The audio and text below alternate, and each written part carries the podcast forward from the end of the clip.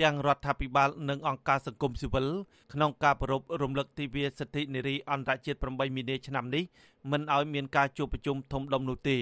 ដោយសារតែការឆ្លងរីករាលដាលជាសកលនៃជំងឺ Covid-19 ទោះជាយ៉ាងណាអ្នកពាក់ព័ន្ធព្យាយាមធ្វើតាមបណ្ដាញសង្គមឬចេញផ្សាយសេចក្តីថ្លែងការណ៍ជាដើមលោកនាយករដ្ឋមន្ត្រីហ៊ុនសែនសរសេរនៅលើ Facebook នៃខួបលើកទី110នៃទិវាសិទ្ធិនារីអន្តរជាតិថាសិទ្ធិទាំងឡាយរួមទាំងសិទ្ធិនារី ដែលទទួលបានឡើងវិញនៅពេលនេះគឺដោយសារតែគុណបុណ្យថ្ងៃ7មករាឆ្នាំ1979លោកអួតអាងទៀតថារដ្ឋាភិបាលយកចិត្តទុកដាក់ជានិច្ចក្នុងការលើកកម្ពស់ស្ត្រី រហូតដល់មានពាក្យស្លោកថាស្ត្រីជាឆ្អឹងខ្នងសេដ្ឋកិច្ចជាតិប៉ុន្តែនាយិកាមជ្ឈមណ្ឌលសិទ្ធិមនុស្សកម្ពុជាអ្នកស្រីចော့សុភាពបានលើកឡើងថាមានការបដិញ្ញាចិត្តជាច្រើនចំពោះការលើកកម្ពស់ឲ្យមានសមភាព gender ប៉ុន្តែបញ្ហាប្រឈមសម្រាប់ស្ត្រីនៅតែមាន អ្នកស្រីជំរុញទៅទូអង្គពាក់ព័ន្ធរួមគ្នាពិចារណាដោះស្រាយបញ្ហាសង្គមរបស់ស្ត្រីឬលុបបំបាត់វិសមភាព gender អ្នកស្រីសង្ឃឹមថាការដោះស្រាយបញ្ហានេះមិនមែនត្រឹមតែដាក់ចេញជាច្បាប់នៅលើក្រដាសនោះទេប៉ុន្តែមានការអនុវត្តជាក់ស្ដែងហើយត្រូវផ្ដល់ឲ្យស្ត្រីមានតួនាទីក្នុងការសម្រេចចិត្ត មិនមែនត្រឹមតែបរិមាណទេ យើងត្រូវឈានឲ្យហួសពីការដែលយើងកំណត់ថាត្រូវមានស្ត្រីចូលរួម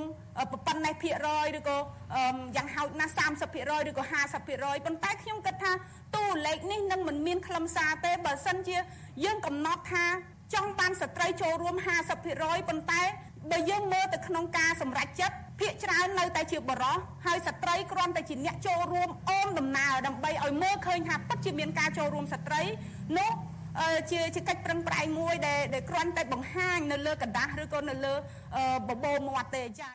អ្នកស្រីចော့សុភាពលើកឡើងបែបនេះនៅក្នុងពិធីប្រពៃសិទ្ធិនារីអន្តរជាតិដែលមជ្ឈមណ្ឌលរបស់លោកស្រីបានធ្វើកាលពីថ្ងៃទី4ខែមិនិនាកន្លងទៅវិបត្តិនៃជំងឺ Covid-19 តម្រូវឲ្យពិធីនេះត្រូវធ្វើឡើងតាមអ៊ីនធឺណិតនិងរដ្ឋបတ်ចំនួនអ្នកចូលរួម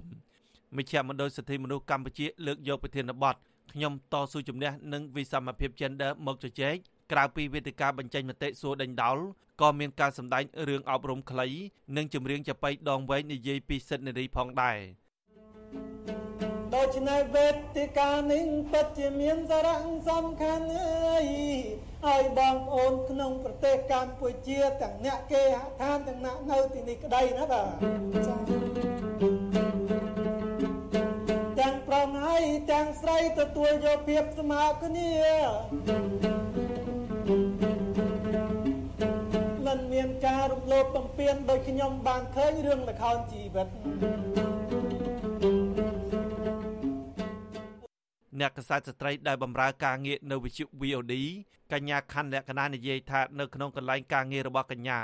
និងស្ថាប័នផ្សេងទៀតការចូលរួមរបស់ស្ត្រីនៅមានចំនួនតិចនៅឡើយបើធៀបទៅនឹងចំនួនបុរស កញ្ញាខណ្ឌលក្ខណៈយល់ថាដើម្បីឲ្យស្ត្រីអាចចូលរួមការងារនានាបានច្រើនដោយបរិះគឺស្ត្រីត្រូវតែជួយខ្លួនឯងជាមុនសិនដោយប្រឹងប្រែងធ្វើការងារនិងពង្រឹងសមត្ថភាពឲ្យខ្លួនឲ្យសង្គមមើលឃើញពីតម្លៃរបស់ស្ត្រីធ្វើការងារមួយបានល្អ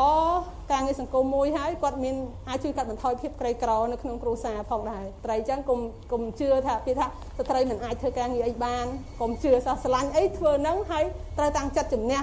កុំខ្លាច ហើយកុំបាក់ទឹកចិត្តចំពោះពាក្យនិយាយស្ដីរបស់អ្នកតីសម្រាប់ខ្ញុំនៅតែផ្ដាំថ្នាប៉ុណ្ណឹងព្រោះខ្ញុំធ្លាប់ជួបបទពិសោធន៍នឹងផ្ទាល់ចំណែកវិជាឋានតស៊ូមតិនិងគោលនយោបាយដែលហៅកាត់ថា API បានចេញសេចក្តីប្រកាសព័ត៌មាននៅថ្ងៃទី8មីនាឲ្យដឹងថាការសិក្សាថ្មីសឹងតែទាំងអស់បានបង្ហាញថាគម្លាតរវាងអត្រាអក្ខរកម្មរបស់ស្ត្រី និងបុរសនៅតែកើតមានហើយជាងនេះទៅទៀតបញ្ហានេះគឺផ្ដោតទៅលើក្រុមស្ត្រីងាយរងគ្រោះ ដូចជាស្ត្រីជនជាតិដើមភាគតិច និងស្ត្រីពិការភាពគម្លាតនេះរីកកាន់តែធំ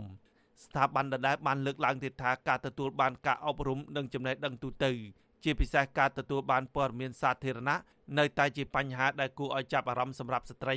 ដោយសារតែវប្បធម៌យកបរោះជាធំដែលអនុញ្ញាតឲ្យបរោះមានវ័យចំណាស់ដែលមានមុខតំណែងជាអ្នកធំមានអំណាចក្នុងការបន្ទោសពលរដ្ឋខ្លួនឯងដែលជាស្ត្រី អ្នកវិភាគនយោបាយលោកបណ្ឌិតឡៅមង្ហៃឯនោះវិញបានសរសេរនៅលើ Facebook របស់លោកថាប្រសិនបើចង់ឲ្យស្ត្រីចូលរួមនៅក្នុងប្រទេសជាតិឲ្យបានច្រើនស្មើនឹងបរោះគឺអាចចាប់ផ្ដើមធ្វើច្បាប់មួយដើម្បីបង្ខំឲ្យគណៈបកនយោបាយដាក់បេក្ខភាពនារីនិងបរោះឆ្លាស់គ្នានារីមួយបរោះបន្ទាប់ឬបរោះមួយនារីបន្ទាប់ចាប់ពីក្បាលដល់ចុងបញ្ជីបេក្ខជនឈរឈ្មោះបោះឆ្នោតរបស់គណៈបកខ្ញុំបាទហេងរស្មី អាស៊ីសេរីពីរដ្ឋធានី Washington